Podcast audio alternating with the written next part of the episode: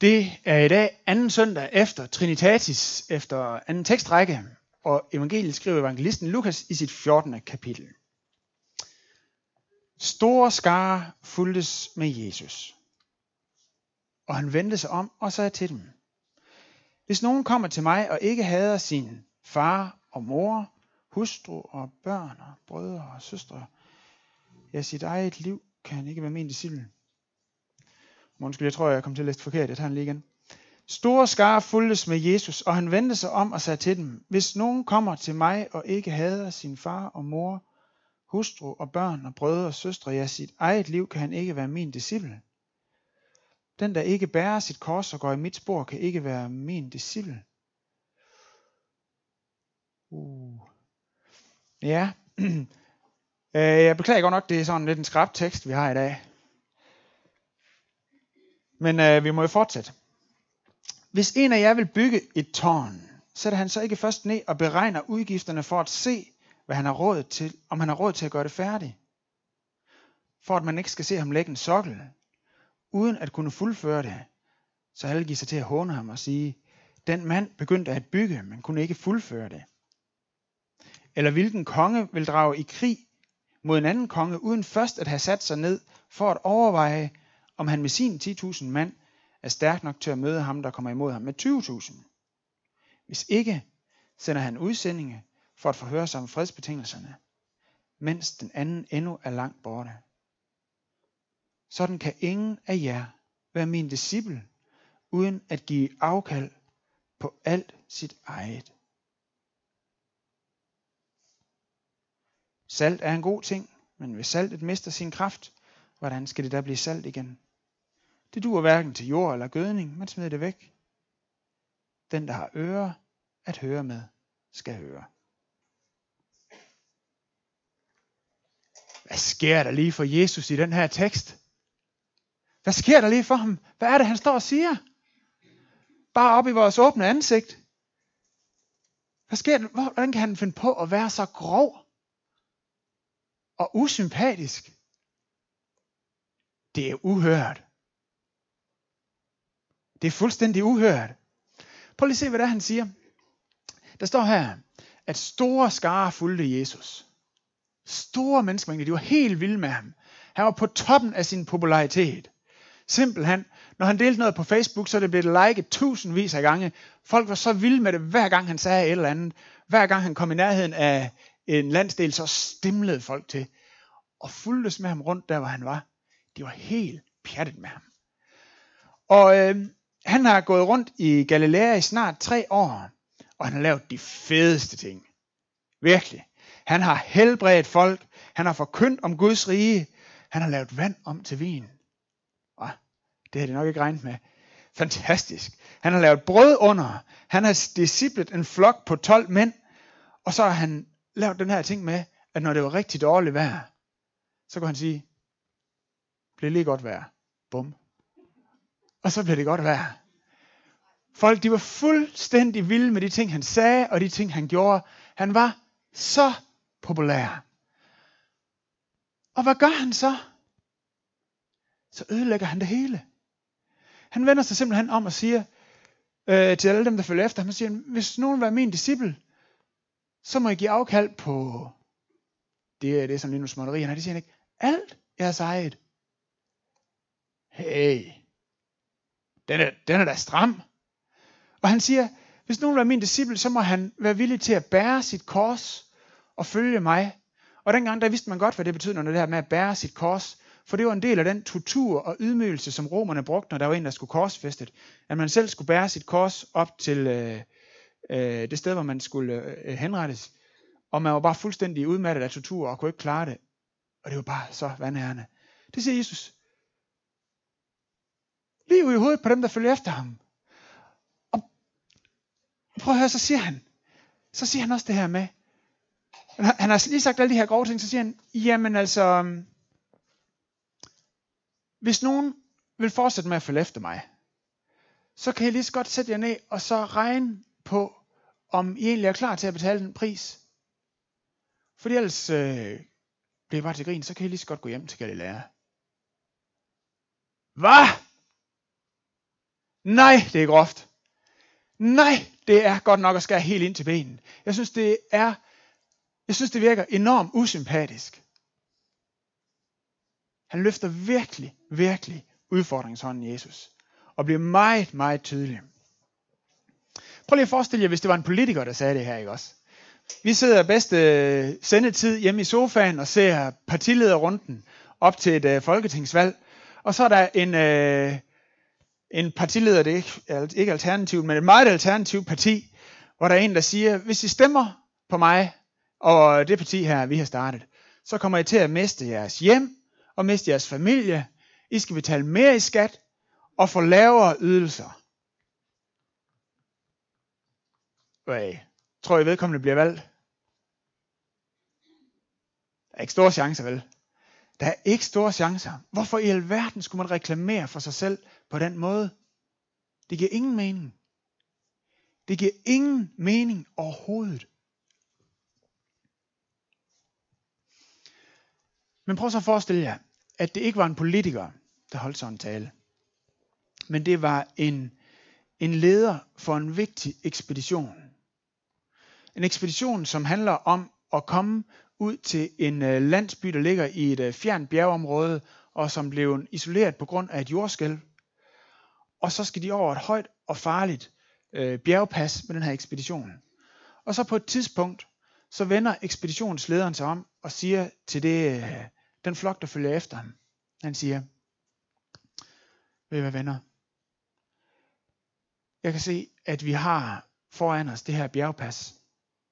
Og det er så smalt, og det er så stejlt, at vi kan simpelthen ikke have vores øh, gear og vores bagage med over der. Så kommer vi ikke over. Så I bliver simpelthen nødt til at lade jeres bagage ligge her. Og så fortsætter vi uden det. Kun med det her medicin. Og jeg kan også se, at det er så farligt, så I må nok hellere sætte det ned og skrive det sidste postkort hjem. For det er højst usandsynligt, at vi alle sammen vil overleve de næste par dage.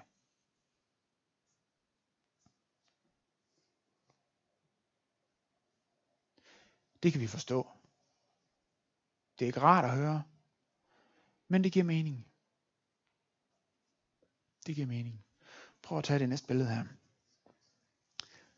Har vi et bud på, hvad det er for en fin herre, vi har der?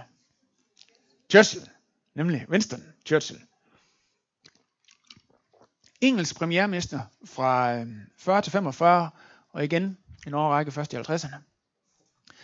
Da 2. verdenskrig brød ud, det her billede det er taget fra maj øh, 40, og 2. verdenskrig brød ud i september 39, så vidt jeg husker. Da det brød, så var Churchill den eneste statsleder i verden, der sagde, nazisterne, dem bekæmper vi. No matter what. Nazisterne de havde en kæmpe militær succes. Det var aldrig set lignende. USA, de holdt sig på det her tidspunkt øh, for sig selv. De havde blandet sig ikke i verdens sager på det her tidspunkt. Rusland var endnu ikke øh, blev en øh, modstander af nazisterne i 2. verdenskrig. Frankrig var fuldstændig på hælene.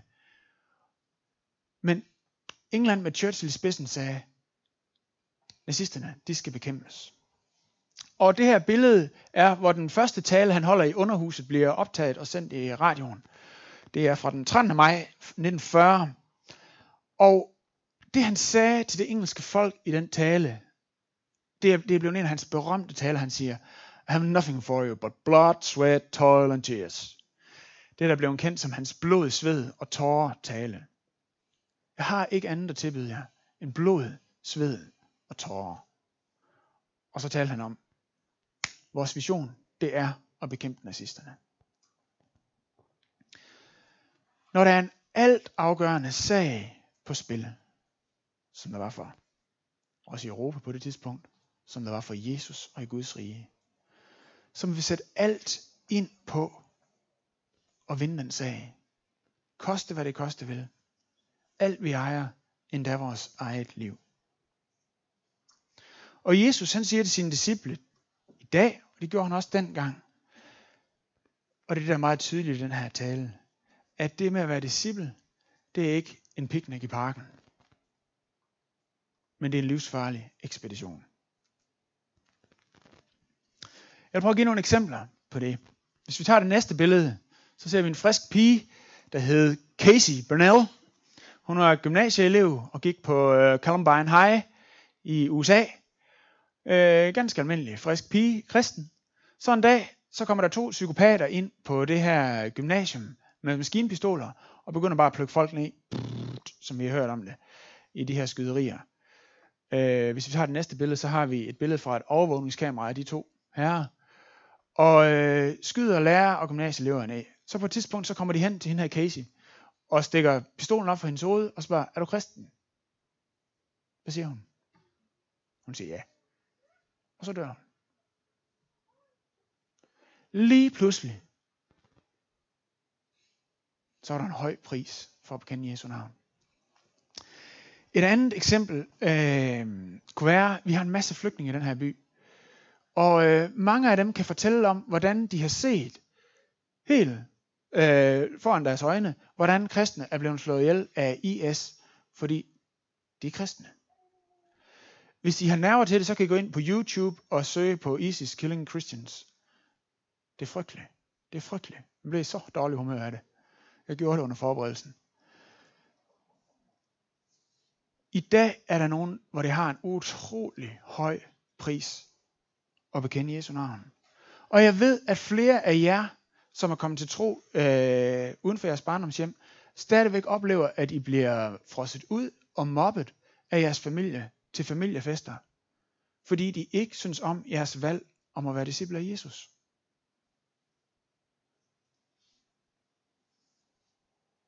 Det er en pris. Okay. Nu tænker du måske, fint med spiller. Det er godt, du prøver ligesom at redde Jesu renommé, gør det lidt mere spiseligt. Men der stod jo altså noget om at have sin egen familie.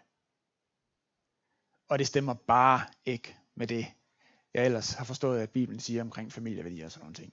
Hvad er der lige ved det? Skal vi springe over det, eller hvad? Nej, det skal vi ikke. Det skal vi prøve at gå i kødet på. Det skal vi prøve at gå i kødet på. Hvad er det, Jesus mener, når han siger det der?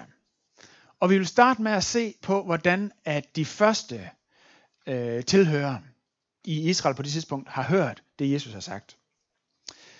Familien. Jeg tror faktisk, vi har et billede mere af den. Det er en familie på Jesu tid. Det kan vi se. Familien på Jesu tid, der var familiefællesskabet over alt andet. Det blev simpelthen, det havde højst status, det havde højst loyalitet. Alt andet var under familiefællesskabet. Det galt øh, det enkelte individ og alt andet. Og familiens jord, hus og andre ejendele og ære, det skulle bevares. Og det var alle i familien forpligtet på. Det skulle bevares og kunne gives videre til næste generation. For eksempel en landmand, hvis vi tager den næste. Hvis man var landmand i Israel, så var det simpelthen noget, der skete over flere generationer. Fordi for det første, så skulle jorden ryddes for sten. Det skete manuelt. Man skulle have ukrudt trykket ned. Det skete manuelt. Og for eksempel, hvis man boede i sådan en, en bjergegn der, der skulle bygges sådan nogle øh, diger der, det sker altså ikke bare lige over en generation. Så det, der var en families eksistensgrundlag og deres økonomiske sikkerhedsnet, det var noget, som flere slægter forud havde arbejdet på at opbygge familiens renommé, familiens velfærd, familiens pension og sikkerhed, når man bliver gammel. Det afhang alt sammen af familien. Og hvis bare en generation ikke prioriterede det, som slægten havde oparbejdet, så øh, ville det få økonomiske konsekvenser for flere generationer efter. For deres levestandard, for deres komfort og for deres velstand. Så det var utrolig vigtigt i det samfund, at man var hyperlojal over for slægten. For familien var det eneste sikkerhedsnet. Der var ikke andet. Der var ingen velfærdsstat. Der var ingen kommune. Der var familien. For eksempel en fiskerfamilie, som øh, Peter og Andreas, to af Jesu disciple, eller Jakob og Johannes, to andre af Jesu disciple. Da Jesus han, det er den måde, det kommer, den rækkefølge, det kommer i hos Markus evangeliet, da Jesus i Markus 15 siger, Guds rige er kommet nær, omvend jer og tro på evangeliet. Så det næste, han gør, det er, at han begynder at kalde disciple. Og vi ser, at Peter og Andreas, de forlader deres far og fiskebåden. Den fiskebåd, der var taget vare på i generationer, det er noget fantastisk dyr. De forlader det. Og Jakob og Johannes, de gør det samme. Det er simpelthen den mest radikale omprioritering i ens liv, mest radikale konsekvens af at høre Jesu kald, som man overhovedet kan forestille sig. Det ligger virkelig mærke til, når vi som vesterlænding bare sidder og læser det. Det var det. Familien, det var det, man først og fremmest var lojal overfor. For det var der, man havde sin økonomiske sikkerhed.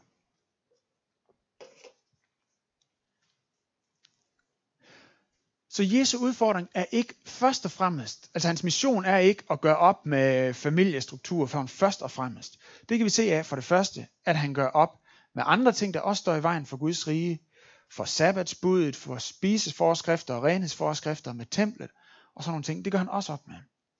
Og det kan vi dels for det andet se af, at han, øh, han også beskytter familien.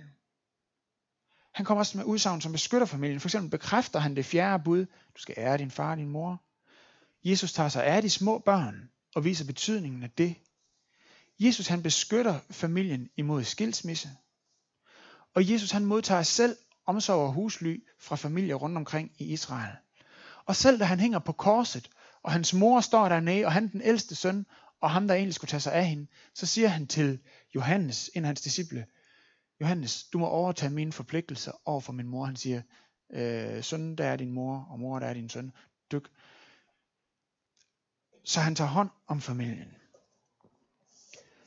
Så Jesu kald til omprioritering går altså på at prioritere Jesus og hans mission over den økonomiske tryghed og sikkerhed, som man på det tidspunkt fandt i familien. Og det er i den forbindelse, han taler om had.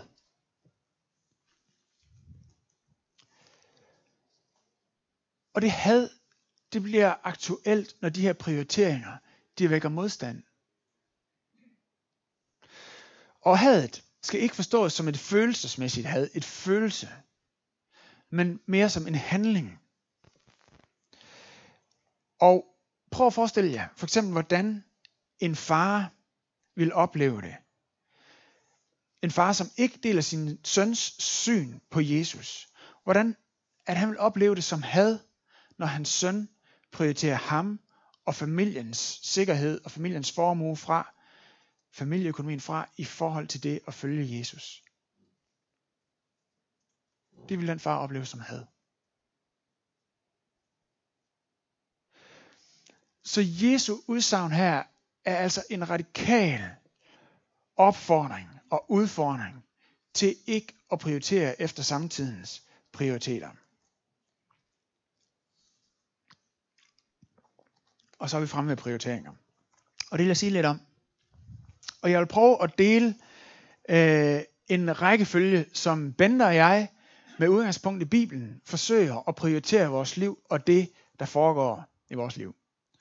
Og princippet hedder pagter først. Pagter først. For det første, vi har en pagt med Gud, og vores pagt med vores ægtefælle og de børn, som er i vores familie. Og for det tredje, vores tjeneste i Guds mission. Og for det tredje, eller fjerde, det der gør, at vi får brød på bordet. Det jeg kalder vores økonomiske motor. Det kan være lidt forskellige, hvad det er, vi lever af. Pakten med Gud, den første, det er en evig pagt, der er indstiftet ved Jesu blod. Det er, at Gud har adopteret os ind i hans familie, så vi har fået status i hans familie, ligesom Jesus har det. Det vil vi prioritere. Vi vil prioritere tid sammen med Gud. Vi vil være sammen med Gud. Det er en evig pagt. For det andet, ægte pakten. Vi har en ring på, fordi der er ind, vi har indgået en pagt med hinanden, om at vi vil leve sammen. Og det er der ikke noget, der skal gøre op med. Vi vil leve sammen. Og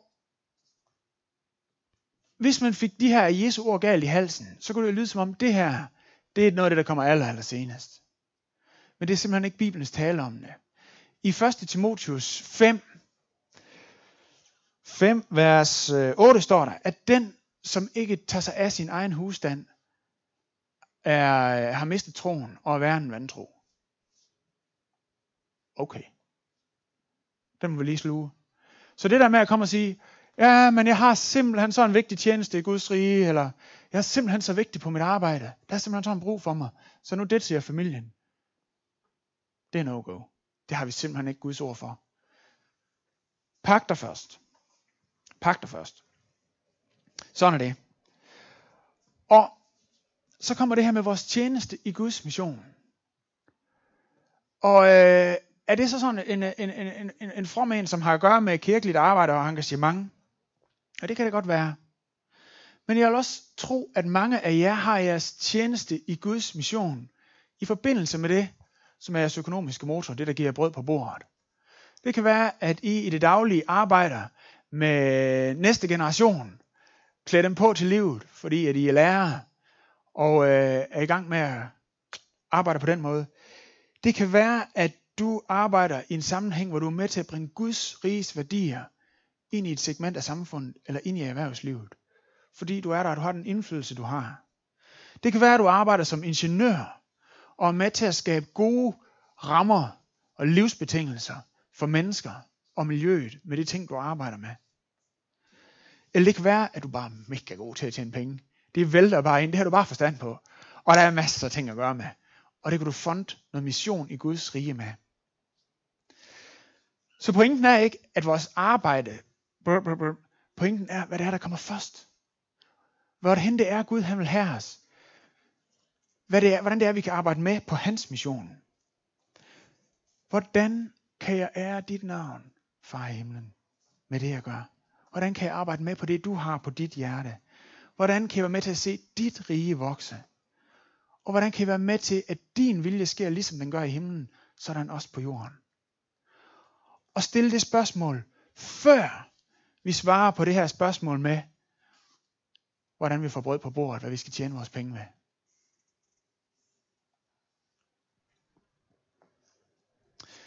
Vores jobs i dag har efter min vurdering den samme plads og den samme funktion i vores liv, som familien havde på Jesu tid. Det er det, der giver os økonomisk tryghed. Det er det, der er vores sikkerhedsnet. Det er det, der giver os status. Og det er det, der sørger for, at vi har en vis komfort i vores liv. Hvis du til et øh, sølvbryllup, eller øh, hvor han man nu er kommet til i din øh, omgangskreds, øh, sidder sammen med en, du ikke har talt med før en borddame, så siger hun, hvad, hvad laver du så? Det er et meget almindeligt spørgsmål, sådan ligesom at få en samtale i gang med. Hvad laver du så? Det er jobbet, vi spørger til, ikke også? På Jesu tid, hvis man, jeg ved ikke om de holdt sølvbrøl dengang, men hvis man ville møde en ny person, og skulle lære vedkommende at kende, så stillede man spørgsmålet, hvem er din far? Hvem er din familie? Det er jo der status lå, det er jo der økonomi lå. Så når Jesus han gør så hårdt op med den bastion i det samfund, så er det de samme funktioner, som der ligger i vores jobs, vores økonomiske motor i dag. Forstå mig ret. Jeg er stor tilhænger af, at man gør noget ved det i skolen. Gør det så godt man kan. At man er dygtig på sit arbejde, høj faglighed, sætter noget ind på det. At kristne er de mest energiske og flittige på en arbejdsplads. Simpelthen. Men de vigtigste ting skal på plads først. Og det vi prøver på i vores familie, og som øh, skal være min opfordring og udfordring i dag, det er at lade Guds kald til den tjeneste, vi har i hans mission, diktere og bestemme, hvordan vi får brød på bordet. Hvad vores økonomiske motor skal være. Fordi på den måde, så kommer vores økonomiske motor til at tjene de ting i vores liv, der er vigtigere.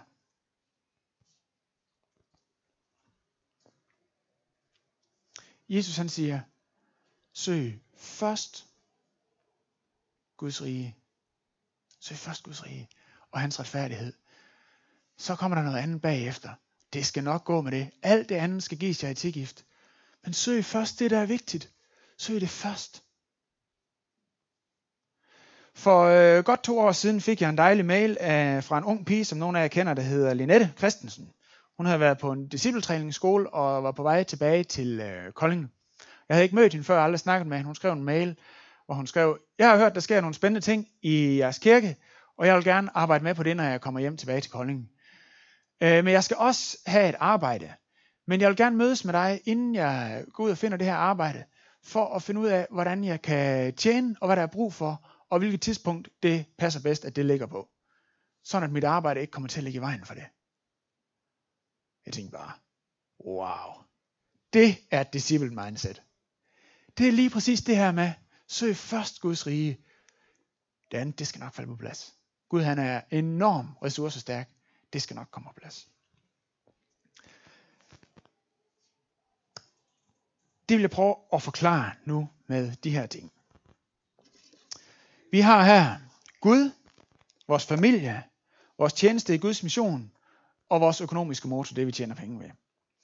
Og det normale i Danmark er at sige, job, det skal vi lige have på plads. Det er vigtigt. Det er mit liv det her, det er mine ressourcer. Det er det, jeg kan spænde over. Det er jo godt. Så har vi et godt job på plads. Det er vigtigt. Nå, men så er vi jo kristne. Vi skal også have i gang noget med mission jo. Det skal vi da også. Det er da også vigtigt. Sådan. Så har du styr på det? Og så, øh, nå, men det er jo faktisk fordi, vi kender Gud jo. Det er derfor, vi har en mission. Så Gud, ham skal vi også have med. Så er der min familie her. Min ægtefælle, Bente. Så har der tre børn. Hvordan er i filmen? Nogen, der siger. Nej, det var ikke det, der var pointen. og lille Jos var her, og han er der. Åh, oh, jeg kan da godt se, at det bliver svært at få lov på den her. Her skal vi, vi lige gemme og vente lidt. Jeg kan stadigvæk ikke komme lov på. Jeg bliver nok nødt til at skille mig af med konen, hvis jeg skal have styr på det her. Nej, det går ikke. Det går ikke. Det vil virkelig være dumt. Det vil være dumt at skille af med sådan en dejlig kone. Så må vi gøre noget andet jo.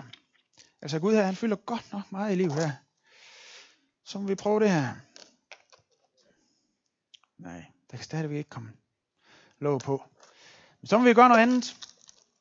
Så må vi simpelthen skrue ned for den her tjeneste. Det kan ikke passe, det skal tage så meget plads. Det må vi altså lige prøve at se, om ikke vi kan gøre på en smartere måde. Så, så har vi fået ryddet godt op i det der. Ja, jeg skal ikke fylde så meget. Det der med Guds mission og det der. Vi har andre vigtige ting. Ikke? Og Gud, så, nu er der plads til ham. Og, og vi skal nok have vendt ned først, hvis der skal være en chance her. Ah, der kan stadigvæk ikke komme låg på her. Det er noget bøvl. Det er simpelthen noget bøvl. Og nu har jeg endda sendt Guds mission fra.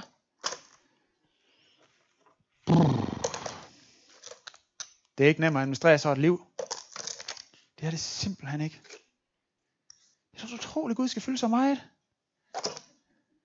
Altså, ja. Så. Nu er det bedre at gå. Men hvad er meningen så lige med det hele? Hvor var det lige, det kom fra? Hvad ender det med? Nej. Prøv at se, hvis vi kører efter den her øh, prioriteringsliste, som, som jeg mener er bibelsk, så starter vi. Pagter først. Vi har en pagt med Gud. Han har en oprettet med os i sin dåb. Vi skal lige have det her, den økonomiske motor lidt på standby. Hvis Gud han er den han siger han er, så er han i stand til at større for os. Så er han også i stand til at finde en ægtefælde til os, der deler de samme værdier. Pagter først. Så skal vi have bænden af her.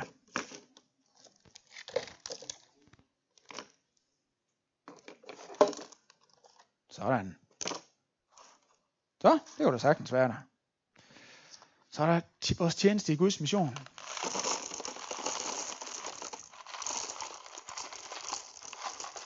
Uh.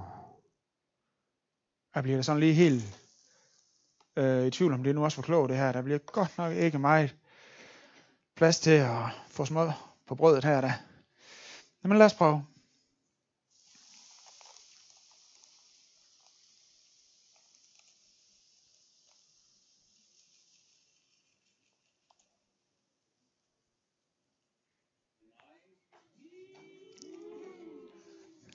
Se. Det kunne sagtens være der. Og der var der plads til års. Fantastisk. Flere børn. det er godt for dig, Kirsten. det var der plads til i hvert fald. Ved I hvad? Jeg vil sige og viden, bevidne det med mit eget liv og følge Guds prioriteter. Det er der simpelthen frihed i. Det er der frihed i. Det er der rigdom i. Det er der velsignelse i. Så når Jesus han tager bladet fra munden og virkelig taler med store bogstaver her, så er det simpelthen fordi, han har mere til os, end det vi selv kunne finde frem til. Så er det fordi, han har mere velsignelse til os, end det vi selv kunne få til at ske. Så er det fordi, han er en bedre leder for os, end vi selv kan være for os selv. Lad os rejse os op og bede sammen.